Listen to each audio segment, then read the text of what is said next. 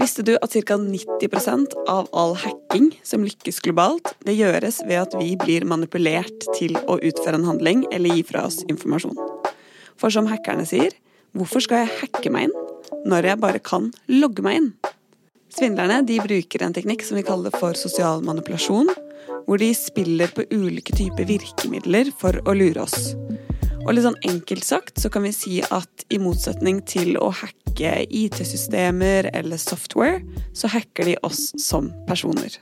Men hvordan hacker man egentlig et menneske? Det skal vi få svar på i dag. Velkommen til Svindelpodden, podkasten som skal gjøre at du blir enda mer bevisst på hvordan du skal unngå å bli svindlet. Mitt navn er Ida Marie Edholm, og jeg er svindelekspert i Nordea. Og med meg så har jeg min gode kollega og nesten-ekspert Tore Lekster Hauge. I dag så har vi med oss en gjest. Eh, velkommen hit, eh, Jonas Sjarma Bakkevig. Du er psykologspesialist. Og I dag så snakker vi jo om sosial manipulasjon, eh, og vi vet jo at svindlerne bruker ulike typer virkemidler for å lure oss. Hva er det de typisk spiller på?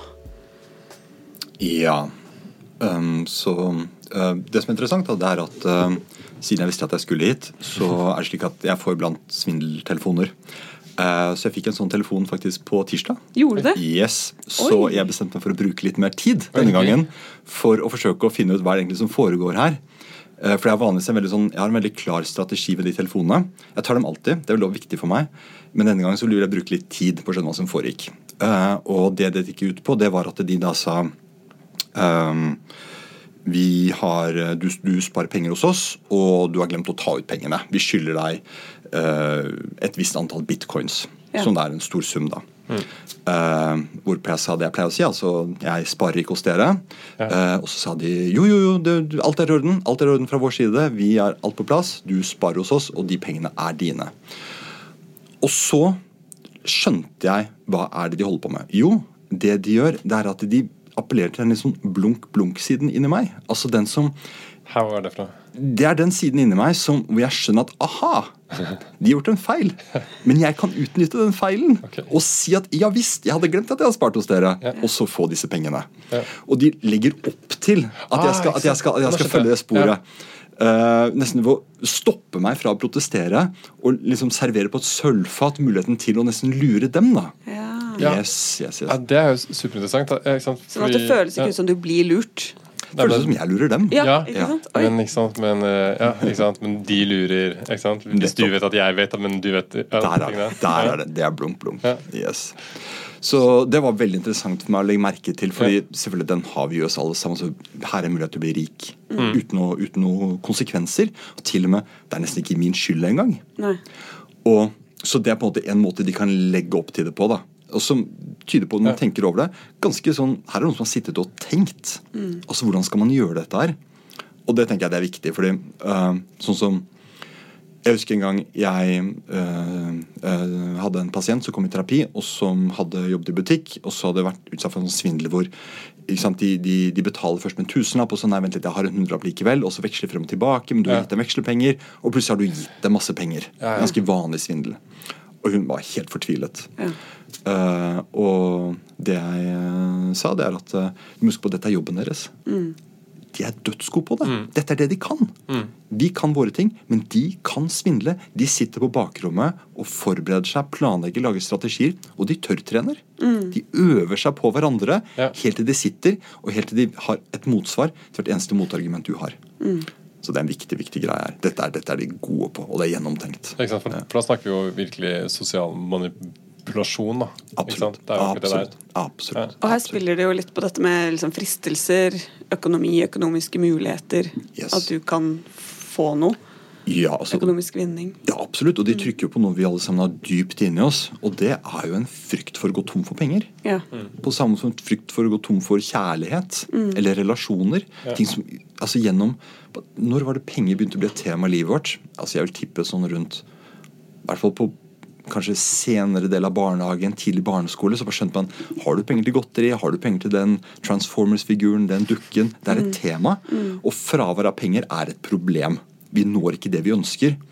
Så penger har jo en enorm verdi, ikke bare samfunnet, men også på innsiden av oss. Og plutselig er det noen som trykker på den knappen, som er så sentral. Ja. Ikke sant? Det er ikke sant, og Som du sier, så vet jo liksom svindlerne vet jo det. Åpenbart.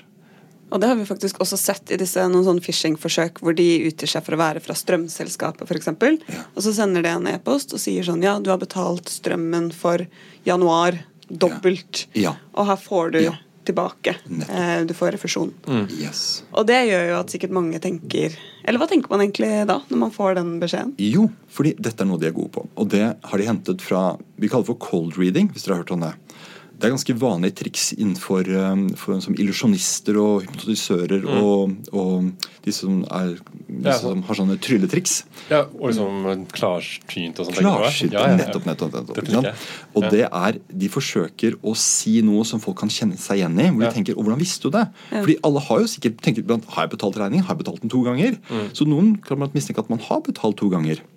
Sånn som for eksempel et veldig vanlig triks hvis du eksempel skal eh, gi inntrykk av at du kan lese tanker, det er at du kan si noe sånt som eh, som si noe som virker ganske spesifikt, men som samtidig vil treffe de aller fleste. Eh, hva, jo, de har en veldig vanlig en. Det er eh, Når jeg snakker med deg, så får jeg veldig inntrykk av at du alltid har gått med en sånn bok som er uskrevet på innsiden av deg, men som du har tenkt på å skrive.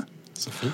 Og de aller aller fleste har på et eller annet punkt tenkt at kanskje jeg burde skrive bok. Det har jeg tenkt. Ja, det har jeg gjort. Du har gjort det også? Jeg har gjort det, for så vidt. Ja, det- ja, du har også gjort det. Jeg har også jeg. skrevet bok. For en gjeng. Det vi også ser i mange av disse svindelforsøkene, er jo at det spilles på tillit. Dette ved at det er noen som utgir seg for å være fra banken eller politiet.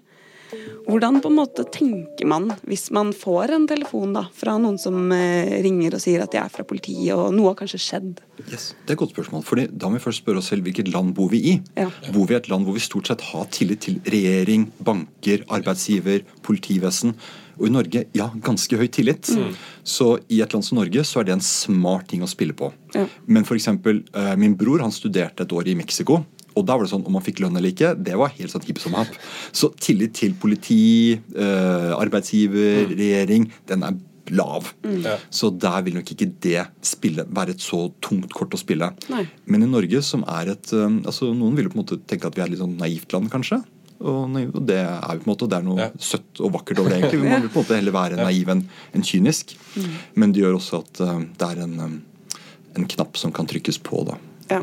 Så de vet på en måte det. At vi er kanskje ekstra litt sånn sårbare for uh... Jeg mistenker at, uten at jeg har noen fagkunnskap på akkurat det, så mistenker jeg at eh, det er eh, nasjonale eller kulturelle forskjeller på hvordan de jobber. De ville ha angrepet det annerledes i Norge versus i uh, ja, kanskje USA eller i Brasil. Ja. Ja. Mm. Men er det som uh, det, det at man misbruker eller spiller eller klarer å manipulere folk sin tillit, er det liksom sånne vanlige triks måte, når andre eh, i andre, liksom, eh, her er det veldig sånn spesifikt. Man sender ut en melding, eller et eller annet, og så vil man ha du vil eh, få tilgang til noe. et eller annet, ikke sant? Men er det også er det samme er det de samme eh, liksom, knappene og mekanismene man gjør for å manipulere hverandre ellers òg? Ja, Ja. Det er et kjempegodt poeng. fordi la oss det kan være lett å tenke på de som manipulerer sosialt, de som ikke gjør det. Men hvis vi, tenker, hvis vi går tilbake hos vårt eget liv, da. Altså eksempel hvis du er på en date med noen du liker veldig godt. Er det noen grad av sosial manipulasjon der fra din side? Sannsynligvis. Ja, hvis Altså- jeg er på date, så Nei da. Jeg har ikke vært på date, jeg har ikke vært på date siden uh, 2006 eller noe sånt. Hva sier jeg? Jeg slapp helt av. Så, ja. ja, så det er jo det er veldig, veldig menneskelige ting, men uh, ofte så gjør vi det fordi vi har en, en, en positiv intensjon bak det. Altså, Jeg har lyst til å gi et godt inntrykk av meg, for jeg liker deg veldig godt, og jeg tenker at vi to sammen kan bli veldig bra. Eh, mens her snakker vi om manipulasjon uh, med et annet formål for øyet, som er mer eh, jeg har lyst til å jeg skal utnytte deg. Jeg har lyst til å ta noe som du ikke har lyst til å gi meg, og jeg skal finne en måte å få det til å gi det på. Ja. Ja. Så ja, det er en annen greie, da. ja. Det var interessant. men la oss si at disse svindlerne lykkes da, i å lure oss ved å bruke denne sosiale manipulasjonen. Hvordan reagerer vi som mennesker når vi oppdager at noen har lurt oss? Ja. Ok, så Det er et bra spørsmål. Så det, Da må vi tenke tidslinje. Fordi La oss si det punktet hvor eh, de iblant kommer i, eh, i, eh, i terapi, eller de forteller det til familie og venner, eller de tar kontakt med banken, så er de ofte preget av skam og skyldfølelse. Så det er ofte på en måte sluttresultatet, om du vil. Men før det så skjer det veldig mye, og det som skjer før det, det er mye mye kulere. Og det er der faktisk veien ut av skammen og skyldfølelsen ligger. La oss tenke rundt det.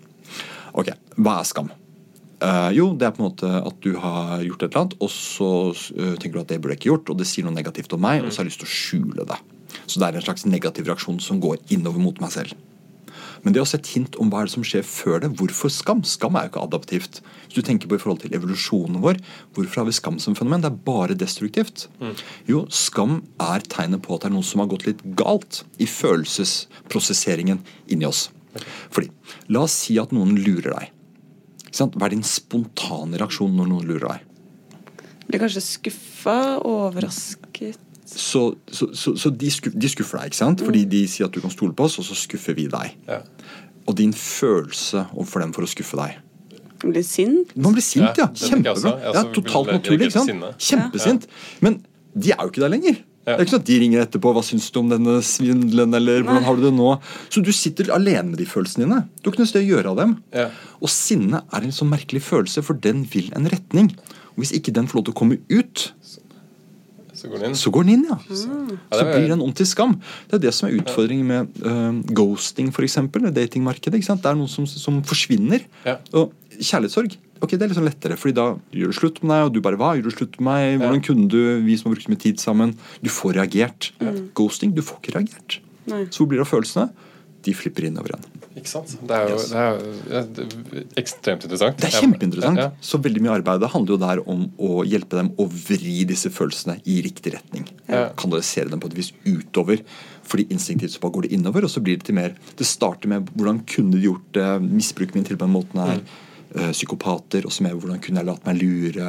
Jeg er så naiv. Jeg kan ikke si det til noen. De fremstår så dum, akkurat som de de leser om i avisen. Så blir det til skam istedenfor. Men hva kan man, hvordan kan man tenke da, hvis man har blitt utsatt for svindel og føler denne skammen, Ja. og ikke helt klarer å rette den utover? Yes. Ok. Så um, Selvfølgelig, i noen situasjoner så blir det så kronifisert eller så sterkt at man trenger profesjonell hjelp med det. Men i de aller fleste tilfeller, med mindre dette bygger på mye gammelt skal man har på innsiden, så kan dette reverseres. Og det er et par steg som er nyttig å ta. Og det ene det handler om Først så må man kunne tilgi seg selv for at det har skjedd. Og For å tilgi selv for at det skal ha skjedd, så må man forstå hvordan kunne dette skje. Og det ble det snakket om i stad. Altså må bare forstå at dette er de gode på. De er profesjonelle. Det er på samme måte som hvis eh, hvis du møter Hvis du står i en, eh, en taxikø, og så er det en, en bokser som står, står bak deg, og han vil ha plassen din, og du gir ikke til han, og han slår deg ned, og han vinner slagsmålet. Men han var bokser. Selvfølgelig vant han. Han er mye sterkere enn meg, mye flinkere enn meg. Så vi kan på et vis forstå at de, la, de klarer å lure oss. Ja. Fordi vi har en sånn idé om at eh, det er veldig vanskelig å forstå hvordan det er å være inne i en sånn svindelsituasjon. Altså Jeg tipper de fleste som leser og tenker jeg har aldri falt for det der. Og det er på samme måte som utallige eksperimenter i psykologiens historie, hvor folk gjennomgår merkelige scenarioer. Ja, du har lest litt om det? Du kjenner Jeg har jo, jeg har Ja. jo det er jo, Jeg har jo mellomfag i psykologi, da. Det det sant? Ja, ja, ja, klart det. Uh, Det kommer opp så mye ting nei. Nei, men, men nei, nå bare prater Ja, men eh, Ja, jeg Fortell. har jo mellomfag, eh, vet du. Takk skal du ha, Jonas.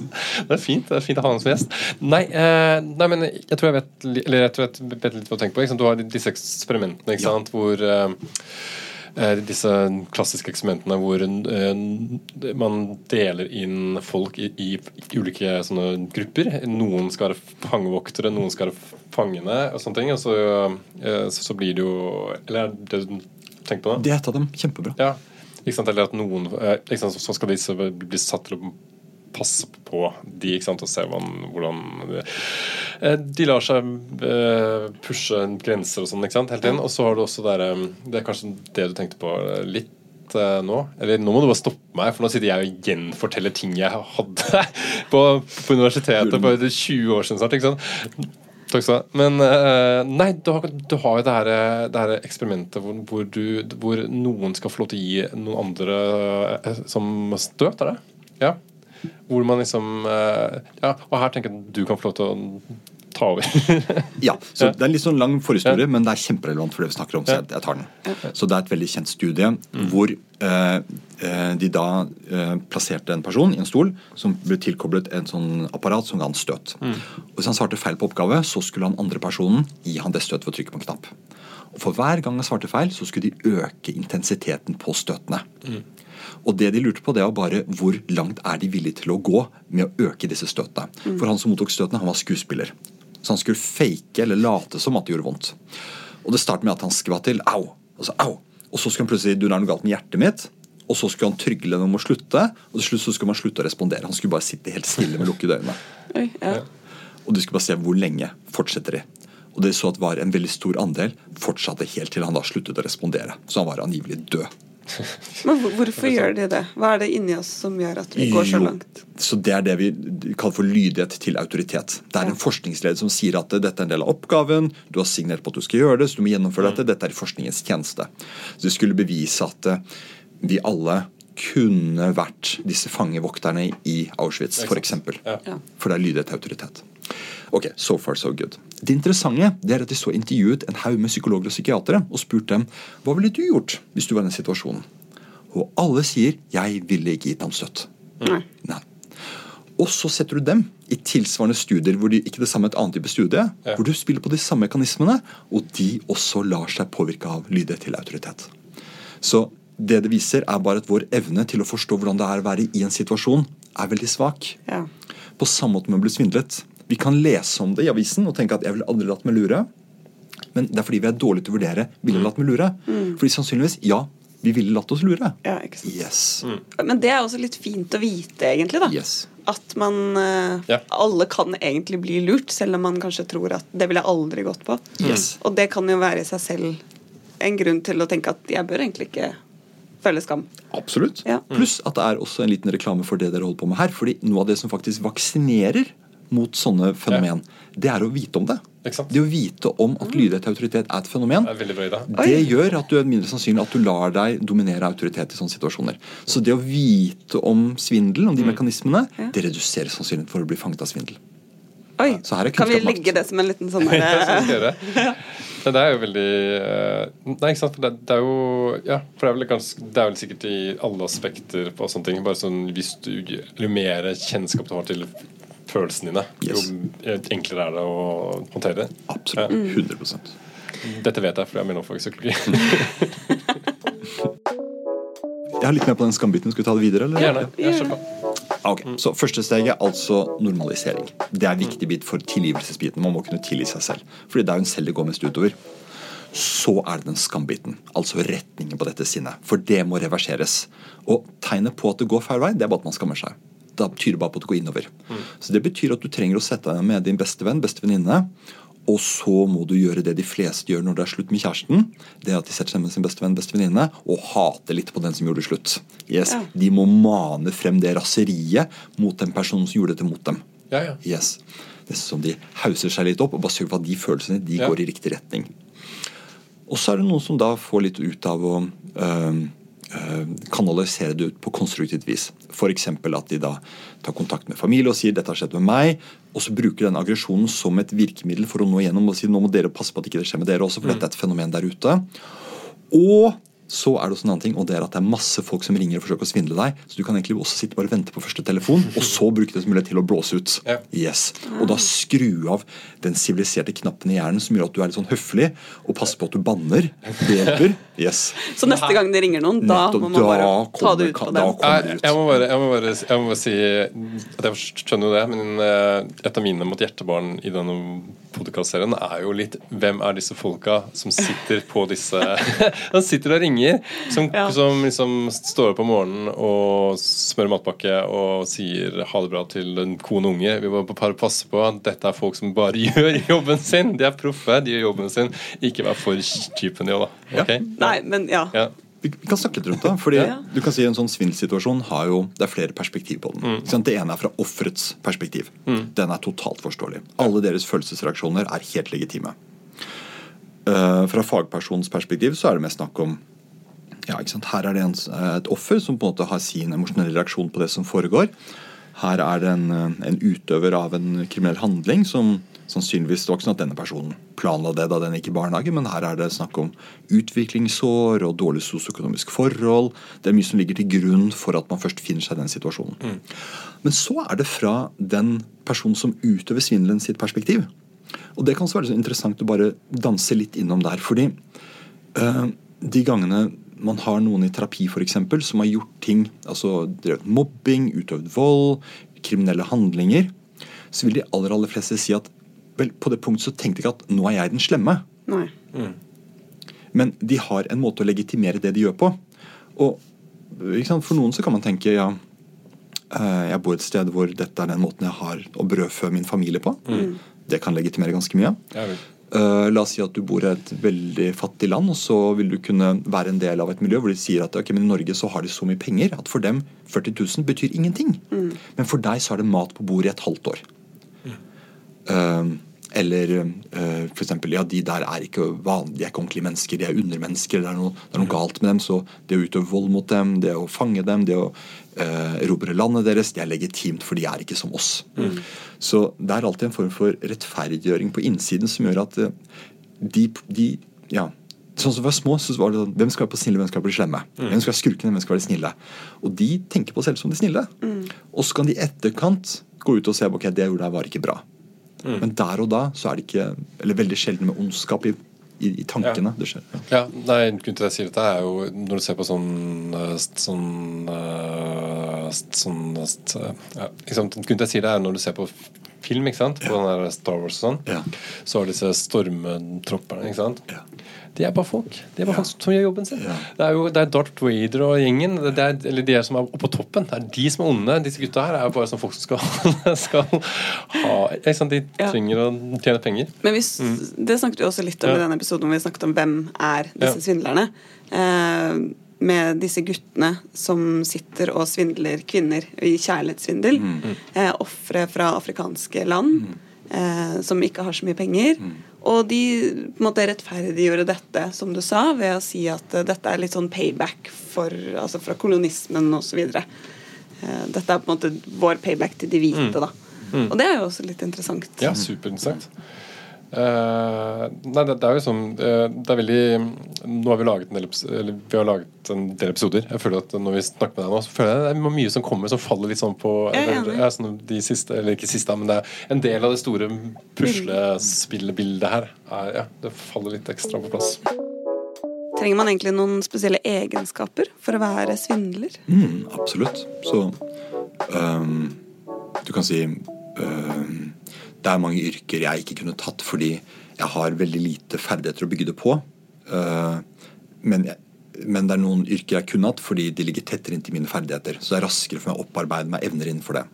Så på samme måte som hvis noen tenker at nå skal jeg tjene penger veldig raskt, eller nå skal jeg trene penger på kriminelt vis, så vil man naturlig nok vurdere hva er mine ferdigheter. Og noen vil f.eks. kunne tenke at jeg er en muskelmann, så jeg kommer til å arbeide som torpedo. Eller jeg kommer til å rane folk eller rane banker. Og noen vil tenke ja, jeg, det jeg er god på, det er å eh, snakke folk etter munnen, få frem mitt perspektiv, få folk til å like meg, folk til å stole på meg. Jeg er god på det sosiale. Jeg tror eh, sosial manipulasjon det er min karrierevei for å komme til dette. Så eh, veldig ofte så handler det om en slags, iblant bevisst, men veldig ofte ubevisst eh, eh, karrierevei hvor man egentlig legger seg litt sånn tett inntil noen ferdigheter man har i utgangspunktet. Akkurat sånn som vi gjør mm. Da vi velger våre yrker. Uh, og de ferdighetene disse har, er jo ofte det vi kaller, opplever som sosial intelligens. Altså, de har en evne til å i løpet av en samtale forsøke å forstå hvor er, hvem er du, og hva er det som er de sentrale temaene i ditt liv. Uh, er det økonomi som er interessant for deg? Er det kjærlighetslivet? Er det utrygghet? Er det behov for kontroll? Er, det, uh, er du litt sånn høy på deg selv? Er du veldig usikker på deg selv? Og hvordan kan jeg snakke deg sånn at du føler at ja, han der liker jeg å snakke med. Her føler jeg meg vel. Yes. Ja, for Vi har også sett det i typiske investeringssvindler, eh, litt sånn som du nesten ble utsatt for her. Eh, at de ringer og sier at de er en investeringsmegler. Og så ringer de ofte eldre mennesker. Eh, og så spør de kanskje litt sånn Ja, hvordan går det med deg? Eh, hvordan går det med ryggen din, barnebarnet ditt? Og skape på en måte en relasjon da, på den måten. Og da må de også kunne klare å liksom tilpasse seg litt hva den personen sier, og skjønne hva er det som er viktig for den personen for å bygge opp da, det tillitsforholdet. Ja, du har helt rett. Så de kaller, vi tenker ofte på det, 'foot in the door' kalles det. altså det å få en liksom fot inn i døren, Så fort man begynner å få svar på to spørsmål, da er det en relasjon som, er opp, som har begynt å bli opprettet. Da er vi i gang. Så hele trikset deres er bare å komme få to svar, så er vi i gang.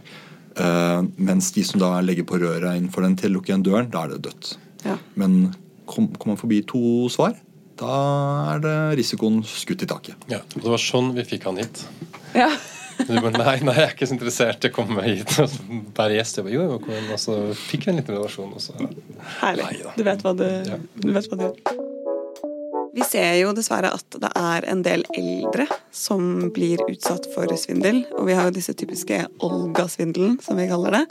Hvor disse svindlerne plukker seg ut damer med litt sånn eldre navn og ringer dem utgir seg for å være banken eller politiet. Men er det på en måte noen typiske grupper eller mennesketyper som lett, lettere da, blir svindlet enn andre? Mm. Så du kan si den, eh, den største risikofaktoren det er eh, konfliktskyhet. Uh, rett og slett fordi uh, det er noen premiss som må selges inn for at en sånn svindel skal starte. Man må oppgi bankkontonummer eller slippe dem inn døren din eller ha en lengre samtale med dem. Og de aller fleste vil nok kjenne på at dette kjennes litt ugreit ut, eller har lyst til å avslutte samtalen, men det krever også viss, at, du viss, at du er litt komfortabel med egen aggresjon. At du er komfortabel med å lukke døren i ansiktet på noen og si nei. Det er det ikke alle som er. Og Norge er også et land som er preget av veldig mye høflighet og hensynsfullhet. Eh, Vi er litt mer ukomfortable med aggresjon. Mm. Så det gjør at f.eks. for eksempel arbeidsgivere merker at lønnsforhandling det er ikke så vanskelig i Norge. Fordi arbeidstaker syns det er kleint å be om penger. ikke sant? Ja, jeg kjenner meg veldig. Mens arbeidsgiver som er proff på det, syns det er lett å si nei til penger. Ja. Ja. Mens en som aldri har sagt nei til en, noen som ber om mer lønn, de vil synes det var veldig vanskelig å si nei til det. Men det er en del av jobben deres. De trener seg opp til å kunne si nei. Ja. Ja. Så på samme måte når, øh, når, øh, når man øh, blir tatt kontakt med, hvis man da syns det er ubehagelig at det blir dårlig stemning fordi det er også et av stegene, en slags eskaleringsstige disse svindlerne har. Det er at de begynner å stille spørsmålstegn med hvorfor vil du ikke gi meg eh, bankkontonummeret ditt, eller hvorfor kan jeg ikke komme inn, eller hvorfor svarer du meg ikke? Eh, så de øker konfliktnivået litt. grann. Og så er spørsmålet hvem holder ut lengst? Hvem tåler denne eskaleringen? Og for noen som syns det er ubehagelig, så kan de gi litt etter. da. Sånn, ja, ok, nei, men ja, Hvor ille kan det være, da? Så ja, Dette er e-postadressen min, eller ja, du kan komme neste uke på døren, og så kan vi snakke videre da. Eller ja, her er nummeret mitt. Mm. Oi, det var veldig interessant. Ja. For jeg har ofte liksom tenkt at det er kanskje mennesker som eh, er litt ensomme eller sårbare eh, osv. Som i hvert fall får typisk sånn kjærlighetssvindel, telefonsvindel. Men akkurat det konflikt Ja. Altså hvor god man er da til å si nei, f.eks. Ja, du kan se for deg øh, Så jeg er helt enig så Ensomhet for eksempel, vil være veldig fin øh, prediktor for f.eks. sånn kjærlighetssvindel. Men la oss si at du er ensom og bitter. Ja. Eller ensom og forbanna. ja. Ikke så lett. Ikke så lett, ikke så lett, ikke så lett. Men ensom og lett kan være litt sånn pushover, eller litt uh, konfliktsky, eller litt, litt, litt vanskelig for å stå, stå, på, stå, stå, stå for deg selv. Lettere offer. Oi, det er kjempeinteressant. Og det er også greit å vite sånn når man gir tips da, til ikke sant, hva skal man tenke på hvis man får en telefon eller møter noen på nett. At man skal liksom sette grenser og si nei hvis det er noe man ikke føler seg komfortabel med. Ja, det, det, er, ja, det er veldig eh, Det er veldig lett gjenkjennelig. Da. Det det er å tørre å si nei, bare legge på den telefonen for å være litt frekk, da. Ja. Ikke sant? Det er, oppleves ubehagelig og Ja. feil. Mm. Ja. Strider med oppdragelsen vår. ja, Ja. liksom. Men vi har jo også noen eh, personer som blir utsatt for svindel, kanskje typisk kjærlighetssvindel eller investeringssvindel, hvor de ikke helt ønsker å innse at de faktisk blir lurt. Ja. Og vi har også blitt kontaktet av pårørende for eksempel, som er veldig fortvilet fordi at de når ikke helt inn til den personen. Har du noen på en måte tips til hva man som pårørende kan gjøre og si i en sånn situasjon? Ja, ikke sant. Um, um, så jeg vet ikke hvordan det er med dere, men iblant så har man venner eller bekjente som f.eks. er et kjærlighetsforhold som man utenfra ser dette er jo ikke bra i det hele tatt. Men den personen nekter å ta det inn over seg. Og så forsøker man på forskjellige måter å, å, selge det inn. Og det de fleste merker, er den motstanden man kan møte fra den personen. Nesten som det liksom gjør det vanskelig for seg selv å ta imot råd. Så det skal være veldig fint da for pårørende det er bare å huske på at når en person stritter imot å ta imot informasjon, så er det en selvbeskyttelse involvert. Og det tror jeg vi kan forstå, fordi la oss si at du har investert hjertet ditt i en kjærlighetssvindel og penger. Det er en ganske stor emosjonell belastning å ta inn over seg at det var falskt. Jeg har latt meg lure, og den personen jeg har investert så mye var altså utnyttet meg. Og der har vi mennesker en sånn egenskap som vi, vi vet ikke, men vi tror ikke dyrene har. da. Eller kanskje strutsen. Og det er å stikke hodet i sanden. ja. Jo, den andre grunner. Ja. Vi er ganske gode ja. til å late som at vi ikke ser og ikke vet noe. Ja. Og vi gjør det ofte i selvbeskyttelsens ja. uh, formål. Det, det, her er jo Henrik Ibsen. Ja. ikke sant? Jeg har jo, har jo laget er jo drama der. Ikke sant? Hvor du river mot lysløgnen vekk fra deg, og da rakner jo alt. Mm. Er, det det, er det her litt av det samme? Som eh, hvis man skal eh, ha en intervensjon da, mot, for alkoholikere eller et eller annet. Ja, ikke sant. Ja. Gru, grusomt. Mm. Grusomt for dem. Uh, men altså, alle er forskjellige. Noen, for noen så er det no, Noen ganger så blir intervensjonen timet helt perfekt. Mm. Det, var som, det, var som, det var som poppeklart. De bare ventet på at noen skulle dytte dem over kanten. Ja. Bare, ja, du har helt rett. Her er historien min. Mens for noen så kommer det såpass prematurt mm. at de lukker seg enda mer. Ja. Og gjør det vanskelig å nå gjennom på det riktige tidspunktet hvor timingen er perfekt. Så det kan være veldig vanskelig for pårørende å, å, være en del av. Veldig smertefullt å se noen du er veldig glad i, ja. som lider. Og du instinktivt også skjønner at de vil ikke helt ta det inn over seg. Mm. Det det, Men hva kan man gjøre da, som pårørende? Så uh, Det vi pleier å anbefale, er å uh, ikke gjøre det så direkte, men gjøre det litt indirekte. Altså uh, f.eks. Si at man snakker om noe sånt som har skjedd, da. Mm. Uh, men til en tredje person. Og hvor man aksepterer og normaliserer. Det, det skjedde med den personen. Jeg tror jeg kunne falt for det samme. Ja. Det hvem, hvem, kan stå imot en, liksom en, en, en topptrent svindler med to kaffe innabords og gjør det for hele Ja. familien sin skyld. Da, skal du, da skal du være solid, altså. Ja. Jeg hadde latt meg lure, jeg også. Det er ikke sant, Og så begynne å trekke fram disse psykologiske eksperimentene. ikke sant? Og Ja. Spille av den episoden her Ja, for ja, dem. ja. Yes. Ja. Så sette deg litt i samme situasjon som den de er i. Yes, bare validere og normalt si at dette, dette skjer. Det er, ikke noe, det er ikke noe skam over det. Nei.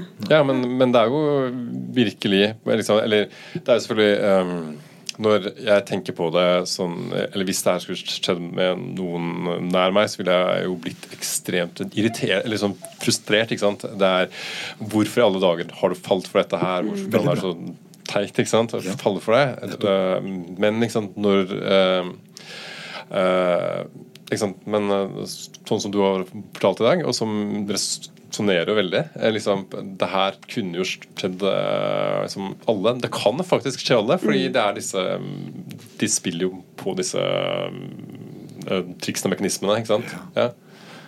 Du har helt rett. Ja, så det er jo en legitimitet til å si at det her kunne faktisk ha skjedd meg. Mm. Liksom, hvis man klarer å ta det, det, det lille steget og bare se seg selv overfra litt. Mm. Mm. Pluss du merker hvor lett det er å bli irritert på offeret Ja, versus den som gjorde det mot dem. Ja. Du plutselig sitter og kjenner på det selv. ja, for det, det er veldig interessant. For jeg, når jeg tenkte på dette nå, så tenkte jeg ikke et sekund på det. Jeg skulle blitt irritert på svindleren. Ja. Det offeret. Jeg ville blitt, Hvis det hadde skjedd min søster eller bror eller et eller annet en som, jeg, som, som står meg nær, som jeg skulle ønske ikke det, det skulle skje med, så hadde jeg, jeg hadde blitt irritert på de. Ja. Liksom, Ja. Hvorfor skjønte du ikke det? Hadde ikke tenkt det Jeg hadde ikke tenkt to sekunder på hvorfor eller svindleren. Nei. Og det merker jo kanskje de òg, da. At Ja. du Det smitter. Ja. Det smitter. Og veldig ofte så um, blir kanskje litt teknisk, men sånn i terapirom f.eks. Mm. Så, um, så kan de samme impulsene komme opp i oss. Og vi bruker det som informasjon, for det må fortelle oss om hva som skjer på innsiden av pasienten. Hvis vi merker at ah, jeg kan, nå blir jeg sånn irritert på pasienten som Ja. setter seg i den situasjonen, ah, det er nok et tegn på at pasienten er irritert på seg selv, og ikke den personen som gjør det mot dem. Så vi bruker det som klinisk informasjon. Mm. Så ikke for å handle på det, men for å skjønne. Og så kan vi spørre dem når du sto i den situasjonen, hvem ble du mest irritert på? Deg eller de som gjorde det? Nei, det er jeg som satt med den situasjonen. Aha, ok. Så sinnet går feil vei. altså Du blir irritert på deg selv. Tror det er, du, er det derfor du går rundt og hakker på deg selv, skammer deg? Mm. Ja. Derfor du føler for å skjule skal vi snu den irritasjonen der den egentlig hører hjemme, mot de som gjorde dette mot deg. Så vi kan beskytte deg mot disse følelsene. For det er ikke du som har gjort noe galt. Jeg tror vi kunne sittet her og snakket i mange timer til. Mm. Dette var kjempeinteressant. Eh, Tusen takk for at du kom, Jonas. Ja. Jeg føler vi skjønner, som du sa, Ja. brikkene faller på plass. Vi skjønner enda mer av hvorfor vi blir lurt, og også hvorfor vi ikke skal føle på skam. Det er jeg liksom en eh, litt sånn større forståelse for eh, disse folka som havner i disse tilfellene. Ja. Virkelig. Helt enig. Mm. Jeg vil dere forresten høre eh, hva jeg sa til slutt til han som forsøkte å svindle meg? Ja. Eh, Så um, dette begynte jeg med for et år siden ca. For før bare la jeg på. Eh, Det er at jeg, eh, jeg lar dem prate litt, og så lar jeg dem opprette en kontakt med meg. Sånn at de føler at vi er litt i gang. Eh, Fordi, ellers, for I starten får ikke jeg slippe til. Det er alltid de som prater for å få meg inn. Og så er vi litt i gang, og så sier jeg du, jeg tenker på noe. Ja. Og de vet at de må høre på meg, for de må høre hva mine motargumenter er. For da vet de hva de skal kontre det med. For de har et motargument mot alt jeg har. Og så sier jeg «Eh, Jeg vet at da du var en liten gutt eller jente, så var det ikke dette du drømte om. Du hadde lyst til å bidra til samfunnet. Du hadde lyst til å være en folk kunne lene seg på, en folk kunne stole på. Og den jobben du har nå, jeg vet ikke hvorfor, men det er god grunn til at du har den. Men jeg vet at det ikke var det du drømte om. Men jeg håper at du kan få en utdannelse, eller flytte et sted hvor du kan få en jobb, hvor du kan være en positiv bidragsyter til samfunnet ditt. Å, fy søren. Hva, hva svarer du da? Så han la på halvveis ute det. Ja. Eh, sist så fikk jeg beskjed at jeg var en dumbass. Uh, og så Jeg blir skjelt ut noen ganger, men stort sett legger de på. Men Jeg har aldri klart å fullføre resonnementet, men jeg håper at en gang så kan jeg fullføre det. Og så ser jeg på sånne små frø jeg sår Ja. i deres sinn, som kan få lov til å vokse frem til en vakker plante, som gjør at de kan finne seg en annen karriere på et punkt. Ja, og Det er så. En dag ikke sant, så er det en som bare ja, du, sant, som du Som stopper oss han. ja. fullføre, Ja. og så, ja, ikke sant, så viser det seg ikke sant, at denne personen gjør et eller annet fantastisk og vinner en Nobels uh, fredspris eller et eller annet. Starter en podkast om svindel. Ja. det- ja. det er ingen sluttet. slutter, Ja. Takk for at du hørte på. Hvis du har lyst til å høre mer fra Svindelpodden, så kan du gå inn og abonnere, så du får beskjed om når neste episode slippes. Og del gjerne med venner eller bekjente som du tenker kan ha nytte av å høre på dette. Du har hørt på Svindelpodden, en podkast fra Nordea.